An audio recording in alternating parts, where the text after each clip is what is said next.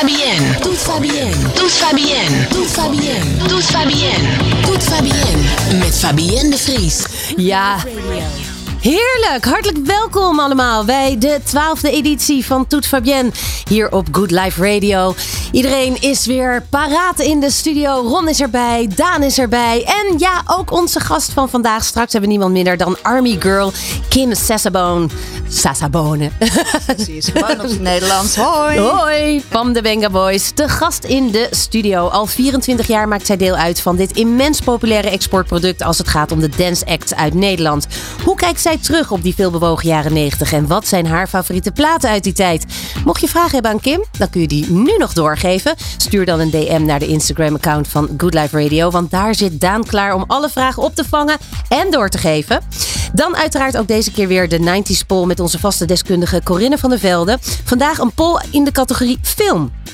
Home Alone 1 of Home Alone 2 of de Muppets Christmas Carol. Straks krijgen we uitgebreid te horen waarom we tijdens deze periode niet kunnen ontsnappen aan deze kerstfilms en wat nou de magie erachter is. De vraag was dan ook welke film vond jij leuker, Home Alone of de Muppets Christmas Carol? Straks dus de uitslag van de poll. En natuurlijk beginnen we ook deze editie weer met een top 5. En deze keer is die van heel toepasselijk Mariah Carey. Doet Fabienne top 5. Ja, natuurlijk niet geheel onbewust gekozen in deze kerstperiode. Maar of de ultieme kerstsong zo ook op nummer 1 is geëindigd, dat hoor je zo dadelijk. Laten we eerst even uh, vooropstellen dat we over Mariah Carey natuurlijk eigenlijk een drie uur durende uitzending kunnen maken. Dat gaan we niet doen. We houden het, althans ik probeer het kort te houden. Toch wel even een kleine introductie. Um, Mariah Carey, een Amerikaanse pop- en R&B-zangeres, songwriter, producer, actrice. Geboren in New York in 1969, debuteerde in 1990 als zangeres en zag haar eerste vijf singles naar nummer 1 schieten in de Amerikaanse top 100. Na de jaren 90, waarin Carey uitgroeide echt tot een wereldster, daalde haar populariteit tot ongekende diepte in 2001. In dat jaar verliet zij haar label Columbia Records voor Virgin, maar werd vervolgens door Virgin weer ontslagen. Ondertussen bracht zij de semi-autobiografische film Glitter, ja, weten jullie het nog, Glitter, uit waarin ze zelf de hoofdrol speelde. De film werd door critici gelaakt als een van de slechtste films aller tijden en was een, een factor in Mariah Carey's emotionele en fysieke teloorgang, waar in de media overigens heel veel over geschreven werd. In 2002 sloot Carey um, een nieuw contract met Island Records en keerde zij terug naar de top van de muziekwereld met het album The Emancipation, The Emancipation of Mimi. Vanaf dat moment werd ze ook gewoon Mimi genoemd. En dat was in 2005. Um, Wereldwijd heeft zij zo'n 200 miljoen albums, dames en heren. 200 miljoen albums en 75 miljoen singles, video's, dvd's en blu-rays verkocht. Waarmee zij een van de best verkopende artiesten aller tijden is. Bij de World Music Awards in 2000 werd ze uitgeroepen tot de best verkochte vrouwelijke artiest van het millennium. In totaal heeft zij 19 nummer 1 hits in Amerika op haar naam staan. Meer dan welke solo-artiest dan ook. Het is dus echt een hele grote.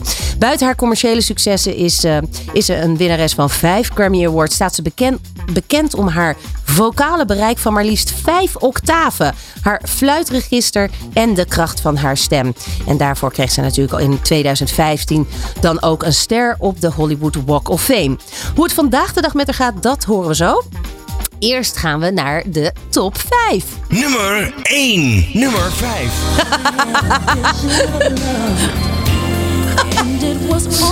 ja, nummer 1 moeten we nog heel even opwachten. each. Ja, nummer 5, Vision of Love uit 1990. Haar allereerste nummer. Um, ja, dat beschrijft natuurlijk wat de titel al doet vermoeden. Haar visie op de liefde, maar ook de liefde die zij had voor haar toenmalige vriend. Um, enorme nummer 1 hit gelijk te pakken. En ja, wat zagen we toen van haar? Ze daalde neer als een soort in lycra geklede Venus op aarde. Wie had ooit zulke hoge tonen gehoord buiten een operahuis? Het werd haar handelsmerk en de, nooit wist iemand dat te evenaren. Nummer 4.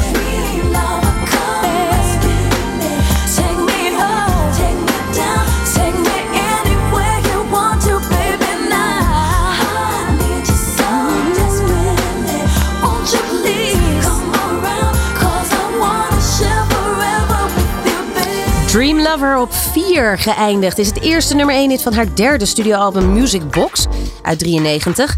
Uh, ja, het markeerde een meer uitgesproken poging van haar om hip-hop in haar muziek op te nemen.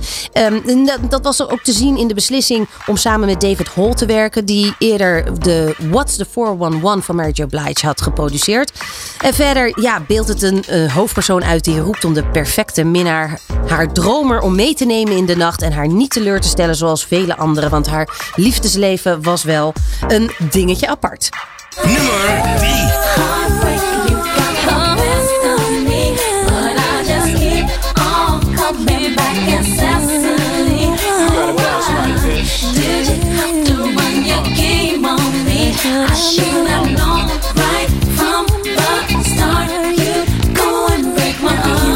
Een nummer uit de jaren 90. Heartbreaker. Ja, ze deinste in haar leven niet voor om met allerlei mensen te samen te werken.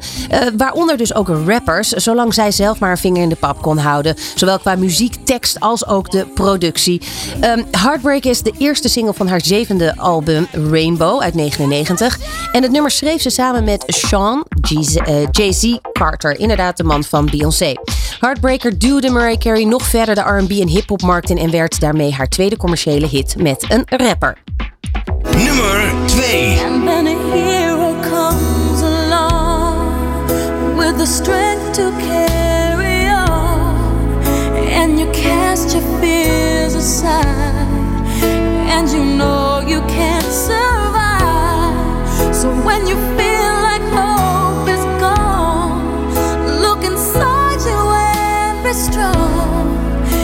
you'll finally see the truth that a Oh, ik weet niet hoe vaak ik met een borstel voor de spiegel heb staan playbacken. Hero is een nummer uit 93 en volgt de Dream Lover op als tweede single van haar derde studioalbum Music Box. Oorspronkelijk bedoeld overigens voor Gloria Estefan, uh, werd het nummer wel door haar geschreven en geproduceerd. Maar tijdens het schrijven van het nummer maakte zij zelf niet echt verbinding met de stijl en het geluid. En gaf het daarom aan de soundtrack van de gelijknamige film in 92. Um, nadat echter Sony-directeur Tommy Motola uh, waar ze later ook nog mee getrouwd is. Maar haar had overtuigd dat ze toch echt zelf zou moeten zingen. Veranderde ze enkele teksten. En dat beter bij haar persoonlijkheid paste. En werd het natuurlijk een gigantische hit. Ja, textueel wordt het nummer beschouwd als een van Mariah Carey's meest inspirerende en persoonlijke ballads. Waarbij de hoofdpersoon verklaart dat hoewel mensen zich soms ontmoedigd en neerslachtig voelen. Ze in werkelijkheid helden zijn als ze naar binnen kijken. En hun eigen innerlijke kracht hen zal helpen de weg te vinden. En door de enorme hoeveelheid verzoeken en brieven van fans Evenals het verband natuurlijk met het persoon, de persoonlijke betekenis, blijft het nummer een van de meest uitgevoerde nummers van Mariah Carey aller tijden. En dan zijn we nu aanbeland bij de nummer 1. Afkomstig van haar vierde studioalbum en eerste, jawel, kerstalbum Merry Christmas in 1994 is dit een nummer dat symbool staat uh, eigenlijk voor kerst. En nog elk jaar in populariteit stijgt. Het nummer kreeg destijds lovende kritieken en de, New Yorker beschreef het als een van de weinige waardige moderne toevoegingen aan de kerstperiode. Het liedje werd een wereldwijd succes en stond bovenaan de hitlijsten in maar liefst 26 landen. Pas in, 19, uh, pas in 2019 stond het voor het eerst bovenaan in de Amerikaanse hitlijsten. 25 jaar na de oorspronkelijke release en brak daarmee verschillende records, waaronder de langste reis naar nummer 1. Met een geschatte verkoop van meer dan 16 miljoen exemplaren wereldwijd is dit nummer het best verkochte kerstnummer van een vrouwelijke artiest en een van de best verkochte fysieke singles in de muziekgeschiedenis. In 2017 heeft het naar verluid maar liefst 60 miljoen aan royalties in het laadje gebracht. Dat is nog maar één jaar. Ja, nu hadden we eigenlijk geld moeten horen natuurlijk. In plaats van rammelende CD's. Tot slot is het natuurlijk opmerkelijk te noemen dat, hoewel de wereld in 25 jaar in werkelijk elk opzicht veranderd is, dit kerstnummer haar populariteit heeft behouden en nog immer groeit. Want mijn dochter is hier knettergek van. Die vindt dit helemaal het summum. Dus ook de nieuwe generatie groeit echt met dit nummer als een klassiek kerstnummer op. Vandaag dus in de Toet Fabienne 90 Top 5 van Mariah Carey. De nummer 1 uit 94. All I Want for Christmas Nummer is You. 1.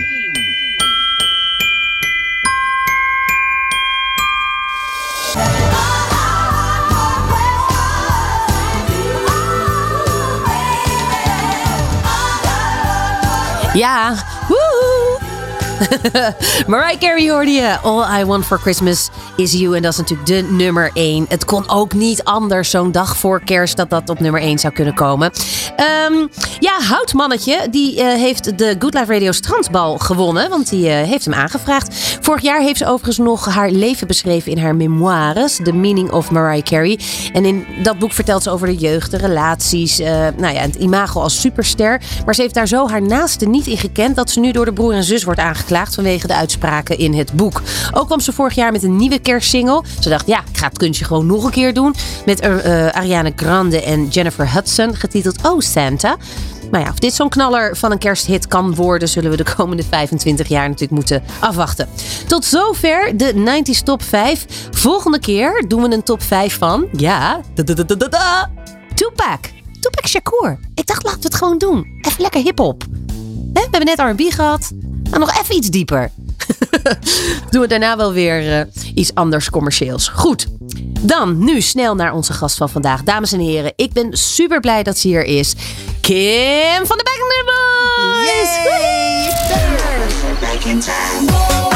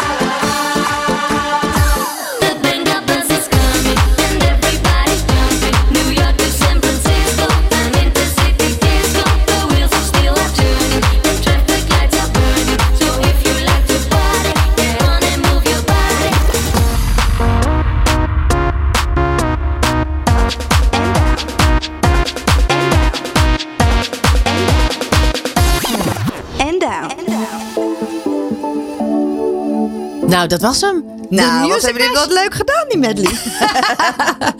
Even weer helemaal terug naar de jaren negentig. Even in dat gevoel komen. Het rare was, ik, ik droomde een beetje weg toen ik al die liedjes aan het horen was. Want ik, ik zag mezelf ineens weer op al die parties staan waar jullie ook kwamen. En of het nou de megafestatie was, of het waren de TMF Awards, of het was... eh, nou, noem welk event ongeveer Ja. op de Benga Boys stonden er. Wij zijn elkaar zo Heel vaak, vaak tegengekomen, ja. gekomen. Ja.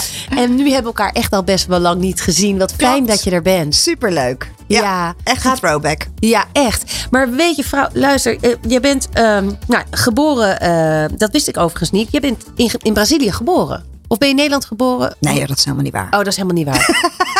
Echt Kijk, wat klinkt nou leuker? De liedzangeres van de Banger Boys, die in Zevenbergen in Noordwest-Brabant is geboren. of ze komt uit. Brazilië. ik vind het een hele goeie. Ja, dan- joh. Dat was natuurlijk gewoon het verhaaltje. Want, en dat, dat, kon, dat kon toen Ja. gewoon. En zo waren er meerdere verhaaltjes, dat weet jij. Ik weet het, ja. Ja. Nou, die willen we ook wel een klein beetje bespreken. Maar eh, allereerst, jij bent de enige, en dat vind ik dan wel leuk, die er eigenlijk van het allereerste begin tot het einde. Nou ja, einde. Jullie zijn nog steeds bezig. Ja, er is maar nog steeds geen einde in zicht. Er is nog steeds geen einde in zicht. Eh, maar in 97 begonnen en nog altijd in de formatie van de Ja. Banger Boys zit. Ongelooflijk, hè? Al 24 jaar. Echt, eh, echt bizar. En er zijn echt heel veel mensen ehm, nou ja, gekomen en gegaan. En ehm, nou, daar gaan we misschien later nog wel even over hebben. Maar daarom, het, het- hoe hou je dit 24 jaar lang vol? Dat is een Ja, nou nu echt een, een hele lange break. door corona, ja? Ongewild natuurlijk. Ja, niet leuk. Verplicht. Ja. Eh, maar het is, ook, het is wel pittig hoor. Ik bedoel, eh, voor, eh, voor corona in 2019 traden we nog meer dan 100 keer per jaar op. Intercontinentale tours, Australië en noem maar op, Canada. En, Maar wat maakt dit werk dat je dit gewoon al die jaren kan blijven doen? Ja, die vraag krijg ik wel eens vaker. Ik denk dat eh, die energie die je van al die mensen krijgt als je op het podium staat, eh, die feedback die je van al die mensen krijgt, dat we zoveel levens hebben geraakt op een hele positieve manier, ja, dat houdt je gewoon, keeps you going. Ja. Ja, zoveel positiviteit. Laten we even teruggaan naar de jaren 90. Want eh, volgens mij was jij Ik was of zes. 21. 21 toen je begon bij de Ja, Boys. ja. Maar dat was in 97. Klopt. Dus begin jaren 90 was je eigenlijk, nou ja, eh, tweede, tweede helft van je puberperiode. Ja. Wat voor een type meisje was jij in de jaren 90? Wauw, ja. Ik was een meisje wat heel erg nieuwsgierig was naar alles wat eh, muziek en nachtleven en dansen. Ik mocht natuurlijk nog helemaal niet uit begin jaren negentig. Maar ja, dat ging natuurlijk wel stiekem. ik ga bij die en die slapen en dan stiekem toch eh, uitgaan. En ehm, ja, muziek luisteren en ja, naar school gaan, vriendinnen. Wat wilde je toen worden? Ja, ik had niet het echt zo uitgestippeld voor mezelf. Ik was ook niet zo heel erg ambitieus hoor op school. Ehm, de ene keer was het dit, de andere keer was dat. Maar ik vond het wel altijd heel leuk om te dansen en te zingen. Dus dat zat er wel altijd al in. Alleen ik was er nog niet zo ambitieus in. Het kwam later pas. Ja, precies. Ja. Hoe ben je uiteindelijk in 97 bij de Bang Boys, Bang Boys terechtgekomen? Want het is een bij elkaar gekaste groep. Ja. Wessel van Diepen zit Ja. er onder andere achter. Ja, nou, eerste instantie nog niet. Eh eerste instantie ehm, had ehm Wessel ken ik via via in dat, in dat wereldje, zeg maar. En eh, toen werd ik gevraagd eh, voor Parade de Tettas. En toen was er nog helemaal geen groep. Het was ook nog geen sprake van een groep. Het was gewoon een, eh, een leuk tropisch nummertje. Ja. En dat moest worden opgenomen, een videoclip opnemen. En, dat heb jij doen. zelf ook ingezongen Ja, toen? en toen kwam, toen gingen we de videoclip maken en toen kwam dat in één keer in de top 40. En als je dan in de top 40 komt, dan zijn er allerlei boekingsbureaus die in één keer de stoep staan van hé, hey, is er geen act? Nee, er is helemaal geen act.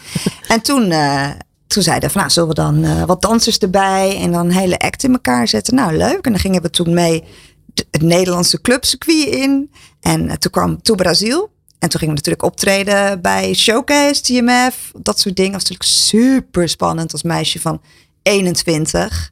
Maar ik heb wel eens begrepen dat ehm, Parade de Tettas, dat de zangeres, dat ben jij dus, Ja. in de studio heel vaak Benga, Benga Ja, eh, ja, riep. En dat daar dus ook de naam door ontstaan is. ja, klopt. Ja, het waren gewoon wilden allerlei Spaanse woordjes en zo roepen. Het is natuurlijk niet echt een, een, een liedje waar echt gezongen wordt. Dat meer kreetjes en zo. En uiteindelijk eh, is zo de naam. Want toen wij het inderdaad opnamen, toen was het nog niet helemaal zeker hoe we het zouden noemen. Nee. Wat, wat, waarom? Doe eens een keer. Oh, doe eens. Oh, kan jij me even doen, ja? Ibenga! Ja, kijk. ja, mooi dit. Ja. Ehm, dus dus ehm, die, nou ja, de dansers kwamen erbij. En wie heeft toen bedacht dat jullie echt die typetjes, want het is ja, wel... dat kwam later inderdaad. Want toen hadden we, we hadden toen Brazil opgenomen en Up and Down. En eigenlijk pas vanaf Boom Boom, dus pas vanaf de vierde single, ehm, eh, hadden we bedacht, nou, we met het management natuurlijk, van goh, we moeten iets, we zijn nu meer een band. Ehm, en we moeten iets extra's. En, en wat zouden wij dan leuk vinden? Ja, wij keken altijd heel erg op naar de Spice Girls. En die, waren, die hadden natuurlijk allemaal hun eigen character. Dat vonden wij natuurlijk stiekem hartstikke gaaf. Om Ja. ook zo eruit te zien. Dus daar gingen we het gewoon over hebben. Wat zou jij dan willen zijn? Nou, ik vond hè, de Tank Girl had je toen. Ja. Dat vind ik wel cool. Maar die naam kan je niet gebruiken. Dus Army Girl werd het. En nou, Cowboy. En, nou, en waarom past gekomen. Army Girl dan bij jou? Ehm, omdat ik wel een beetje, ik was wel een beetje de leader of the pack, zeg maar. ik, eh, ik was ook de oudste, geloof ik, ongeveer, zo'n beetje. Eh, wel met de meeste ervaring. En ehm, ja, zo, zo is dat. Ja, ik Ja, vond, ik de- vond leader, leuk, maar dat daar- echt bij mij. Ja. Ja, ja. En dan had je nog de Sailor. Ja, Sailor Boy, de Cowboy Oh ja. en de Glitter Girl. Party Ja. Disco Girl, Denise. Precies, Ja. precies. En dat was gewoon de perfecte match. En eigenlijk, ondanks alle eh, bandwisselingen die er daarna gevolgd zijn, zijn die karakters nooit veranderd. Klopt. Maar qua bandwisselingen valt het op zich wel mee. hoor. Want als je ook nu, de, deze formatie is de laatste eh, twaalf jaar al zo. Mhm. En wij bestaan gewoon al twaalf jaar nu weer uit eh driekwart van de originele bezetting. Dus eh, Denise is maar heel ja, even alleen weg één, geweest. één, één, één jongen is ja, de cowboy die is inderdaad ingewisseld. Maar al twaalf jaar treden we op met deze formatie. En is het dan ook zo dat er op een gegeven moment een punt komt dat je denkt: oké, er is nog wat meer voor mij weggelegd in deze entertainmentwereld. Dus dan vliegt iedereen uit. En dat ze pas later zich toch realiseren van: het was eigenlijk best wel heel tof wat we Ja. toen hadden. Absoluut. En dat die nostalgie dan ook Ja. eigenlijk bij jullie zelf terugkomt. Ja, absoluut. Ik denk dat ik nu wel, ik ben 45 en ik heb ook wel wat andere dingen gedaan in de tussentijd. En eigenlijk is de conclusie toch wel overduidelijk dat dit gewoon het allerleukste werk is wat ik ooit in mijn leven heb gedaan. Ik durf niet te zeggen wat ik ooit zal doen. Maar ik denk toch wel dat dat het geval is. Dat, ja, zo- zolang jij op een podium lekker goed kan blijven bewegen. Ja, en het is ook gewoon zo gezellig. Kijk, vroeger, toen die pressure echt hoog je was. geniet er nu misschien ook meer van. Absoluut, dat, dat wilde ik inderdaad zeggen. Dat vroeger was de, de druk heel hoog en was het natuurlijk single achter single en presteren en door, door, door. Dat werd gewoon voor je verwacht. Dat deed je ook, want je was jong en je doet het gewoon. Nou, We zeiden altijd, eh, no rest for the wicked, we'll, we'll sleep when we're dead. Ehm, maar toen eh, kon je ook minder genieten. En nu is het echt de laatste, ja, sinds 2006 denk ik, dat is ook alweer 15 jaar, is het gewoon alleen maar genieten, genieten, genieten. Ja. Ja. We gaan het straks nog even over, over hè, de, de power of the 90s hebben. Wat, wat was dan die kracht toen? Eh, maar eerst even naar jullie, of eigenlijk een favoriet van jou, van jullie eigen eh, platen. En dat is Boom Boom Boom. Waarom heb je, heb je die uitgekozen? Ehm, ja, Boom Boom is op nummer 1 in Engeland binnengekomen. En dat is wel echt heel bijzonder.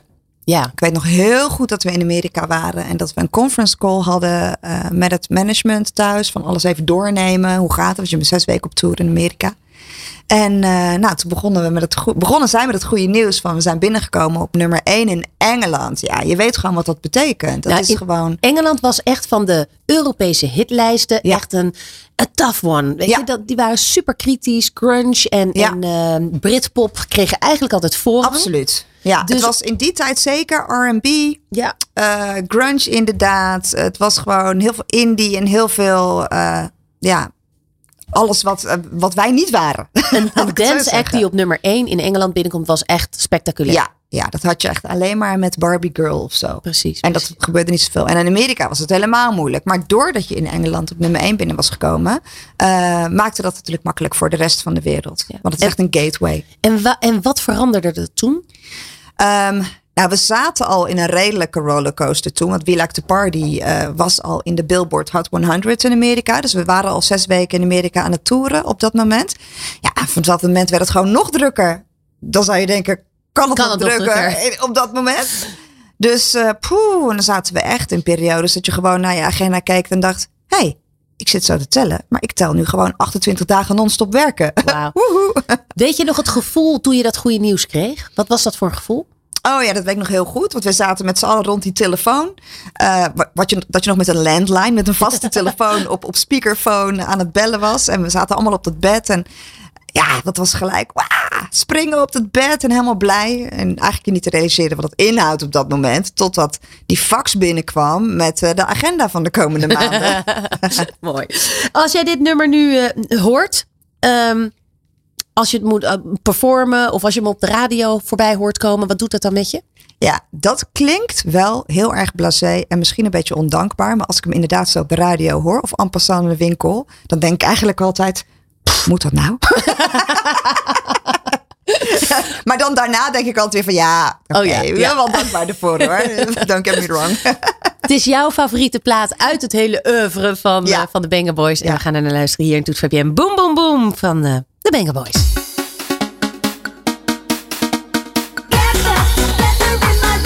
Ik wou dus zeggen, ik weet niet hoe vaak ik deze bij TMF heb aangekondigd. Boom, boom, boom van de Banger Boys. Kim's favoriete eh, van alle nummers. Ehm, ja, als we, als we nou gewoon terugkijken. Hè, hindsight is 2020 zeggen ze wel eens. Ehm, met welk inzicht kijk jij dan terug op de jaren 90? Welke les heb je misschien wel meegenomen uit die tijd? Ehm, goh, dat is wel ehm, moeilijk om van een heel decennium één les, één les. Even kijken. Ja, ik denk toch wel meer, ja, nog meer in het moment leven. Als ik ja, terugkijk, naar wat ik nog, wat ik Wat had was de kunnen doen. vibe van de jaren 90? Was dat gewoon, weet je, bijna een millennium? We moeten nu alles geven. Wat Ja. was de vibe voor jou? Nou, die, vooral de, de laatste drie jaar van, het, eh, van de 90s is natuurlijk als een sneltreinvaart gegaan. Dus dat is wat bijna niet bewust. Ik heb het wel bewust meegemaakt, tuurlijk. Maar dat is zo snel gegaan. eh, en daar werd je ook gewoon geleefd. Dus het is niet zo dat je echt eh, heel veel eigen keuzes maakt. Het is gewoon bam in die trein stappen. En, en, en Je wordt geleefd. Ja, precies. Ehm, kun je nog dingen uit de jaren 90, dus ook nog voor de Banger Boys, misschien van jou.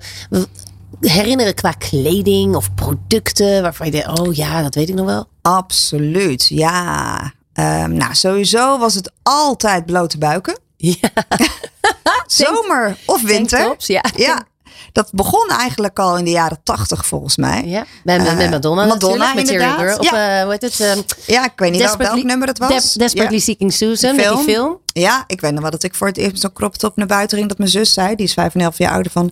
Mam, gaat ze, ze- gaat zij zo naar buiten? Met die blote buik. ja. En dan al die rubber eh, dingen. Maar dat is jaren tachtig. Nou, jaren negentig is denk ik vooral ehm, die cargo pants, eh, de buffalo's, die hoog, die, die spekzolen. En dan die crop tops. En ja, in mijn geval, die vlechtjes hè.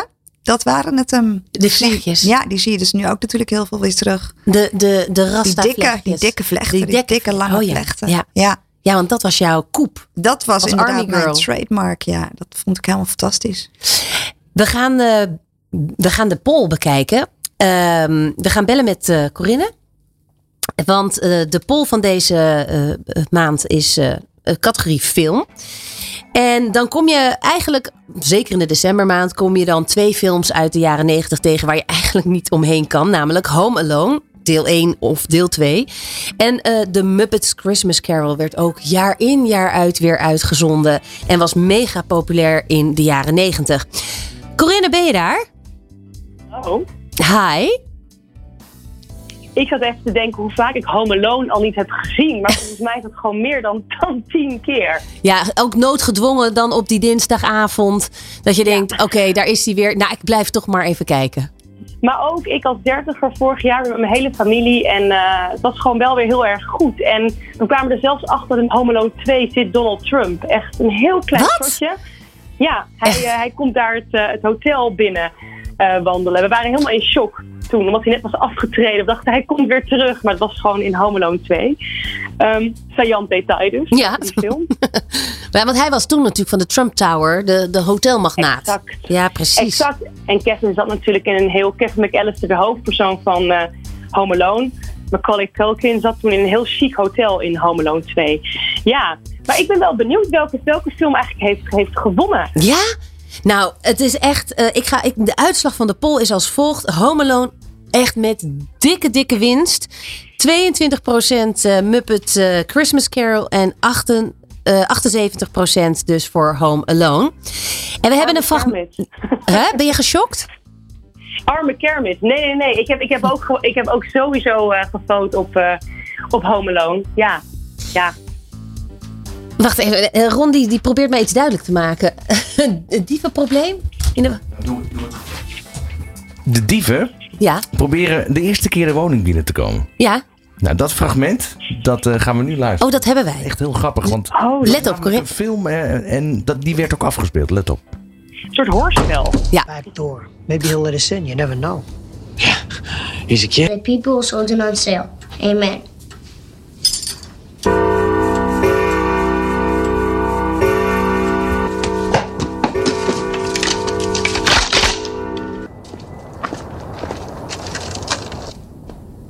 That you're in there and that you're all alone. We're not gonna hurt you. No, no. What? Hello. No! Ah! That's it. I'm going around the front. You go down the basement. Ja, mooi hè, die nostalgie. Wat, wat, was, nou, ehm, de, wat was nou de magie van, van deze film? Ja, ik heb er wel over nagedacht. Ook omdat ik hem natuurlijk al meer dan tien keer heb gezien. En ik denk dat het, het is sowieso een hele nostalgie-opwekkende film. Hè? Dat huis van die McAllisters met al die lichtjes en dan naar New York. En het, het, mooie is dat zelfs Lego heeft het huis dus nagemaakt. Dat kon je kopen in de maand november, was binnen een dag uitverkocht. Dus het is een hele nostalgie-opwekkende film. En ook heel voorspellend. Dat je natuurlijk, hè, je, hoe vaak je hem kijkt, je weet gewoon wat er gaat gebeuren. Je weet dat alles goed komt en toch kijk je ernaar. Ja. Maar wat ik vooral zo, zo fijn aan deze film vind, is dat het een film is. Hè, normaal met kerst kan ik me voorstellen dat je op een gegeven moment zegt, nou we gaan allemaal iets anders kijken. Dat is ook deze tijd. Maar wat Home Alone ook wel losmaakt, is dat hoe dan ook, je gaat die avond weer met z'n allen die film kijken. Datzelfde effect heeft ook All You Need Is Love of andere kerstfilms. En dat is volgens mij ook wel typisch jaren negentig. Want je vroeg net ook ehm, naar de mode van de jaren negentig. Maar wat ik denk dat ook typisch bij die tijd hoort, is dat tv echt nog een soort van bindmiddel is. Dat we met elkaar op hetzelfde moment naar hetzelfde kijken. En dat maakt denk ik Home Alone bij heel veel mensen los. Dat je weer even terug gaat naar die kindertijd, dat je met z'n allen die film keek. Nu dat weer met jezelf, de familie. Ja, Ik heb ook gelezen dat het er wel een beetje mee te maken heeft dat dus de hoeveelheid klappen voor hun kop die die dieven krijgen en als een soort slapstick werkt, een beetje Ja. te vergelijken met eh, Tom en Jerry. Tom en Jerry. Ja. ja, het is bijna een soort sadistisch ook. Hè? Maar dat het daarom ook zo tijdloos is. Ja, want dit is wel een film, denk ik, als je die met je kinderen kijkt. Ik denk dat jij, misschien heb je met je dochter ook wel een keer gekeken. Dat jouw dochter niet gaat zeggen, mam, oh my god, keek je dit vroeger? Maar waarschijnlijk vindt ze hem ook heel leuk. Ze vindt het nog een beetje spannend. Want die, ja. de, versie, de nagemaakte versie van de Zoete Zusjes vindt ze al spannend. Oké. maar Maar het is, het, gewoon ook een goede film. Hij acteert goed, hij draagt echt die hele film, Macaulay Culkin. ja, want die gozer is toch fantastisch in die film. Die is een soort fearless ook. Ja. ja, maar iedereen heeft denk en ik denk dat dat ook wel de magie is. Iedereen heeft toch stiekem wel eens de wens om ergens alleen misschien achter te blijven of alleen in huis. En dat je zelf mag bepalen wat je doet. En het is natuurlijk hartstikke spannend en eng. En we willen het eigenlijk niet, maar stiekem zou dat toch wel heel spannend zijn. En ik denk dat dat wel aan een soort kinderlijke ja, fantasiewereld. eh, Ja. dat, dat, dat hebben ze heel knap gedaan. Toevallig is vandaag een artikeltje, eh, las ik eh, online, dat de, degene die de broer speelt, dat die vandaag aangeklaagd is. Ja, dat las ik ook. Die is, ehm Bus speelde hij. Die is ehm, op een event was hij, eh, en hij, mensen vroegen zijn handtekening en zijn vriendin had gratis handtekening op kaarten weggegeven. En toen heeft hij haar in een hotelkamer helemaal, eh, ja. Helemaal in elkaar geslagen. Wauw. Ja, ja, echt een goede reden ook. Tot toen. Ja, nee, dus, en, en hoe is het met Macaulay Culkin op dit moment? Wat, wat, eh, wat, Ja, ik, ik, ik vond het altijd wel een heel fascinerend, fascinerende jongen. Maar die is zeker, ja, dat, dat, dat, dat was de grootste kindster in die tijd. Maar aan de drugs gegaan, ook jong getrouwd, weer gescheiden. Maar hij heeft sinds een paar maanden een baby met zijn vriendin. En hij is echt helemaal uit de, uit de spotlight. Terwijl zijn broer, Kieran, die speelde ook zijn broertje in Home Alone. Dit jongetje met die grote bril, dat was zijn echte broertje. Die is nu een van de hoofdrollen in Succession. Hele populaire serie nu. Dus eigenlijk is dat wel interessant dat Macaulay is helemaal uit de schijnwerpers. En eh zijn Kieran broer is nu, eh, is nu helemaal hot. Nou, helemaal hot, ja.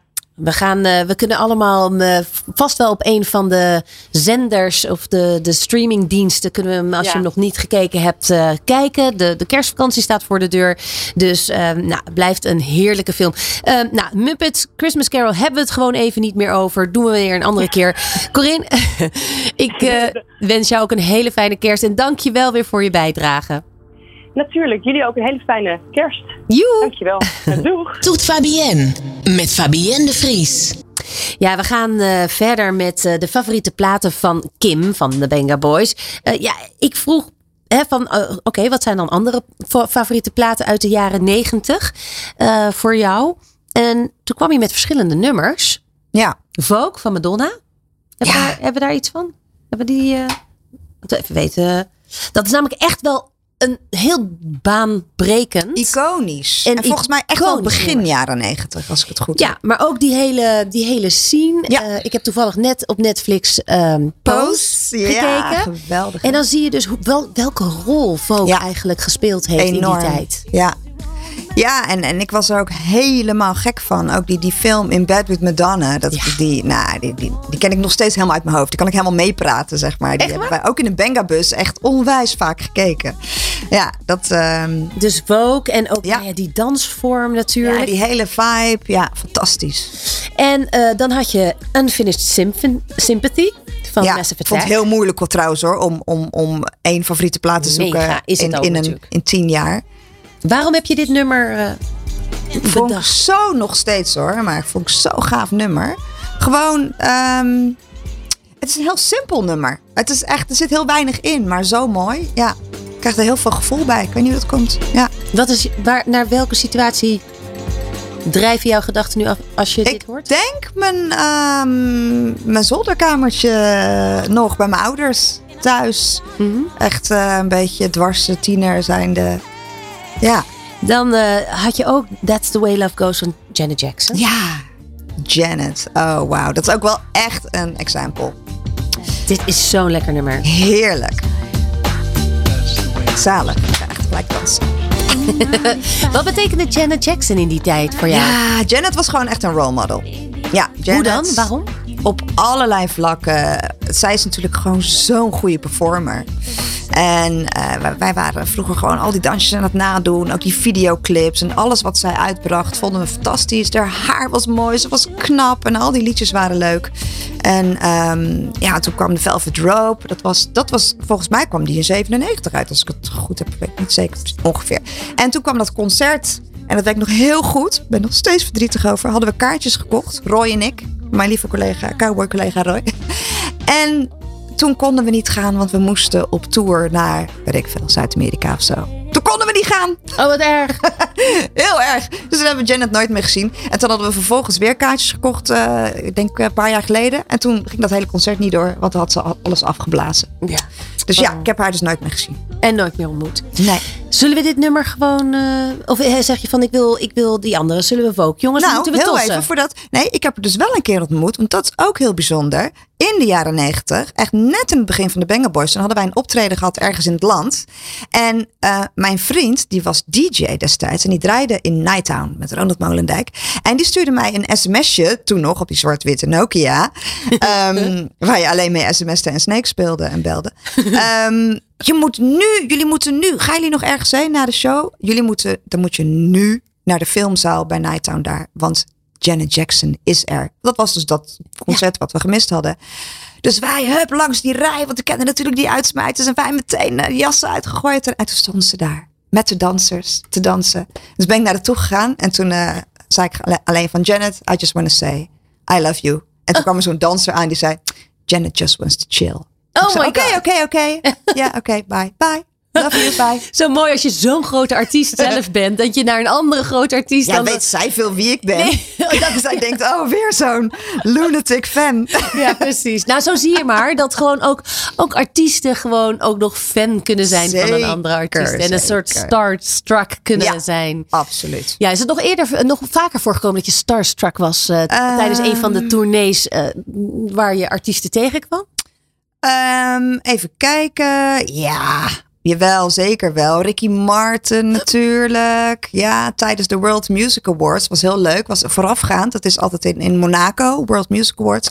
En eh, daar hadden, waren wij, ehm, wat hadden wij? Best Newcoming Dance Act of New Dance, Best Dance Act. Eh, maar voorafgaand daaraan hadden ze altijd zo'n diner. En dan ga je dus dineren met al die mensen. En toen stond ik zo bij het buffet. En ik was zo de aardappel gratin aan het opscheppen. En naast mij moest ik de lepel passeren aan Ricky Martin. en ik geef zo die lepel aan hem. En hij zo, thank you. En ik, ik kon niks zeggen. Maar ja, dat was nog in de tijd dat je natuurlijk niet wist dat hij hartstikke gay, was. Ja. Want wij waren natuurlijk allemaal een crush op hem. Alle vier. Onwijs. Alle vier. Alle vier, ja. Ik heb, in, ik heb ook inderdaad eh, een, een, eh, ooit een interview eh, met hem mogen doen. En toen was hij ook nog niet uit de kast. En, maar een hele innemende man. Hij heeft een soort energie om Ja, zich. ja, Die zo lief Ja, is. heel zacht, heel lief. Heel zacht Ja, en aardig. ontzettend aardig. Ja, Ja. nou leuk. Ehm, jongens, welk nummer gaan we draaien? Want we moeten toch een keus maken. Ik zeg lekker volk. Ja, Zullen gewoon lekker gaan volken? heerlijk. Hè? Let's Iedereen, do even, it. iedereen even uit de, Allemaal. uit de stoel. Handjes in de lucht. Let's volk.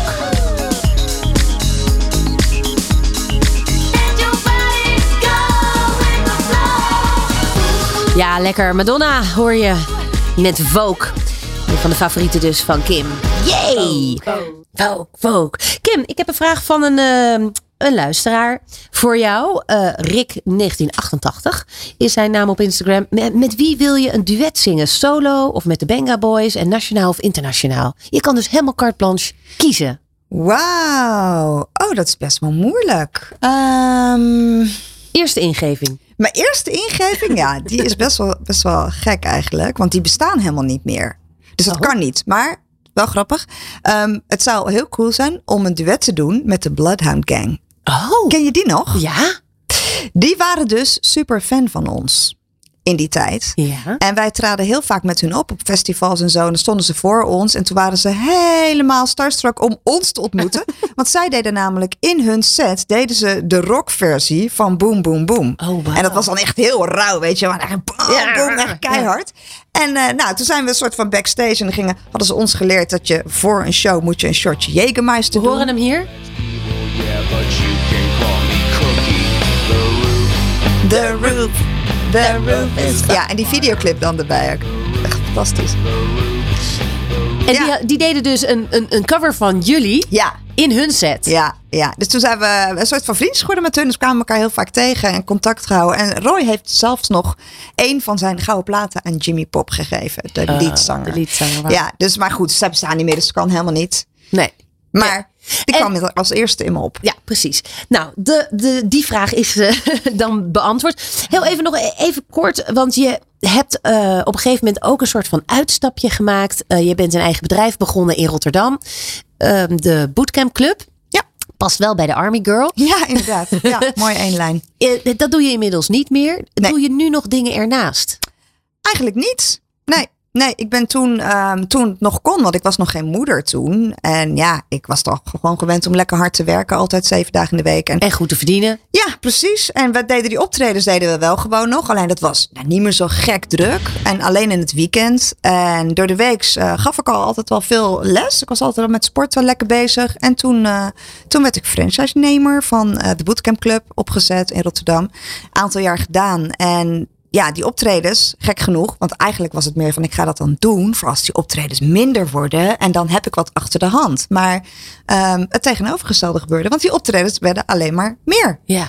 En Heel- nog steeds. Ja, De 90s belachelijk. zijn nog Ja. steeds zo Ja. ontzettend populair. Die parties die, nou even, als je even corona wegdenkt. Los van corona.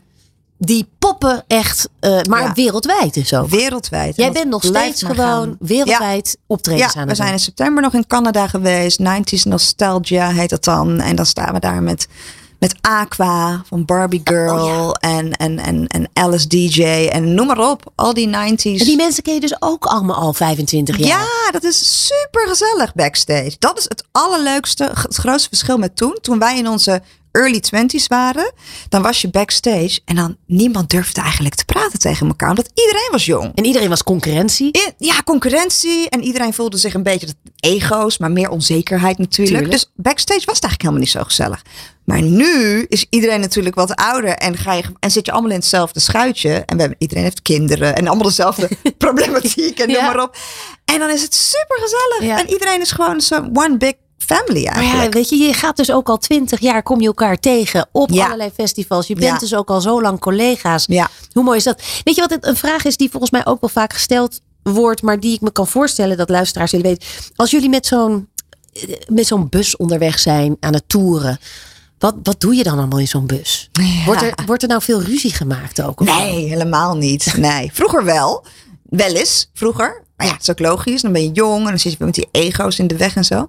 Ehm, maar nu is, we zijn gewoon echt familie. We kennen elkaar natuurlijk zo lang. En we hebben gewoon bij elkaar, alles bij elkaar, zoveel tijd met elkaar gespendeerd. We zien sommige momenten meer elkaar dan onze eigen familie.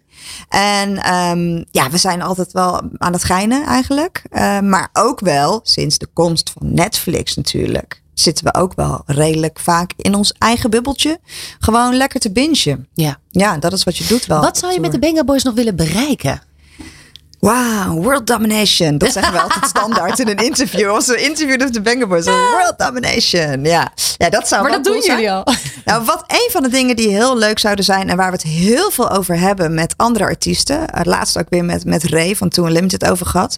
Ehm, hoe cool zou het zijn als we gewoon een, een ik veel, drie maanden in Vegas zouden staan of zo. Gewoon zo'n zo'n heel groot hotel waar je dan Too Unlimited en de Banga Boys en Aqua en nog allemaal van die, van die 90s artiesten en dan gewoon ehm keihard Een werken. show, en dan ja. gewoon eventjes Even op één plek voor langere Ja, tijd zo'n show. En dat iedereen dat lekker naar jullie toe Of een maand, of weet ik veel hoe lang. Maar alleen al dat doen, dat, dat lijkt me super gaaf.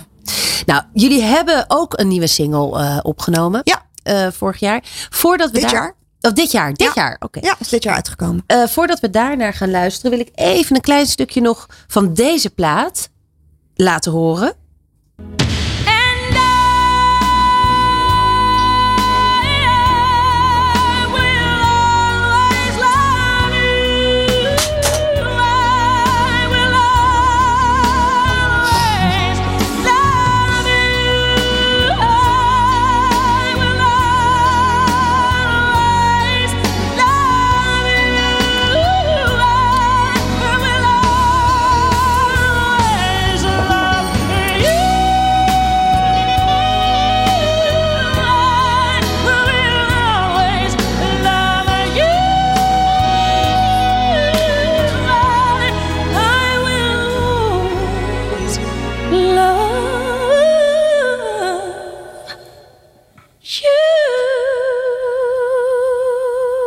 Ja. We hadden natuurlijk al eerder Mariah Carey. Maar ja, dit is natuurlijk een even zo groot fenomeen. Ja, het is gewoon één lijn. Ik heb eigenlijk de regel om niet door haar heen te mogen praten. Want dat is een soort heiligschennis. Ja, bijna wel. Ja. Whitney Houston dus met um, I Will Always Love You. Dat was een heel bijzonder nummer en belangrijk nummer voor jou. Ja, ja. Ehm, eigenlijk meer de herinnering aan eh, mijn allereerste concert waar ik naartoe ging. Dat was in Ahoy. Mijn moeder had me meegenomen. En dat was ja, volgens mij in in 84, maar ik weet niet zeker. Ehm, ik was ongeveer acht jaar oud en mijn moeder nam me mee. En toen kwamen we binnen. En dat gevoel, als je dus voor het eerst als kind in die arena zo komt en al die mensen ziet. Ja, dat was echt zo overweldigend. En toen dacht ik wel van wauw, dit, ja, hier wil ik meer van, zeg maar. En niet wetende dat ik later meerdere malen zou op dat podium daar in Ahoy zou staan. Ja. Ja. Ahoy heeft een hele bijzondere energie. Die vibe daar, ja, Ja. echt bijzonder. Cool. Ja, we zijn bijna aan het einde gekomen eh, van deze aflevering. eh, de laatste van dit jaar. Ehm, we gaan zo luisteren naar eh, Back to 1999. Wat natuurlijk Yes. echt wel eh, ja, gewoon een cool jaar was. Zo vlak voor de, Ja. voor de eeuwwisseling. Ehm, dat, nieuwe, dat nieuwe nummer, de nieuwe single. Vertel. Ja, nou, 1999 was by far eh, het beste jaar van de Banger Boys. Ehm, de wereld stond gewoon aan onze voeten en we waren echt on top. We hadden, deden echt de tofste dingen. En ja, zeker nu in deze tijd van kommer en kwel tijdens de pandemie. Wie wilde niet terug eh, naar 1999? Wij wel. Het idee dat we nog lekker hadden van de, de, er gaat iets nieuws gebeuren en Ja. niemand kan ons wat maken. Ja. Oké. Lieve Kim, ik vond het echt fantastisch dat je er was. Dankjewel. Superleuke verhalen. Heel Dank leuk je wel daarvoor. En ik wens je heel veel succes met de rest eh, van jouw eh, Benga Girls and Boys. Dankjewel. De komende tijd. Ik hoop dat corona gewoon snel, eh, snel achter ons kunnen laten. En dat je gewoon lekker weer kunnen gaan toeren. Yes. Ehm, ja, lieve luisteraars, tot zover deze Toet Fabienne. Volgende maand dan zijn we er weer en dan duiken we ook weer de 90s in. In elk geval met de top 5 van Tupac Shakur. Voor nu bedankt voor het luisteren. Ik wens iedereen hele fijne kerstdagen. Denk aan de eenzamen om ons heen en maak er ondanks alle beperkingen toch het beste van. En laten we vooral onze humor behouden. Want een lach en muziek zijn naar mijn idee de beste medicijnen voor de ziel en je weerstand. Verder wens ik iedereen a very good life in 2022 en heel graag tot de volgende keer.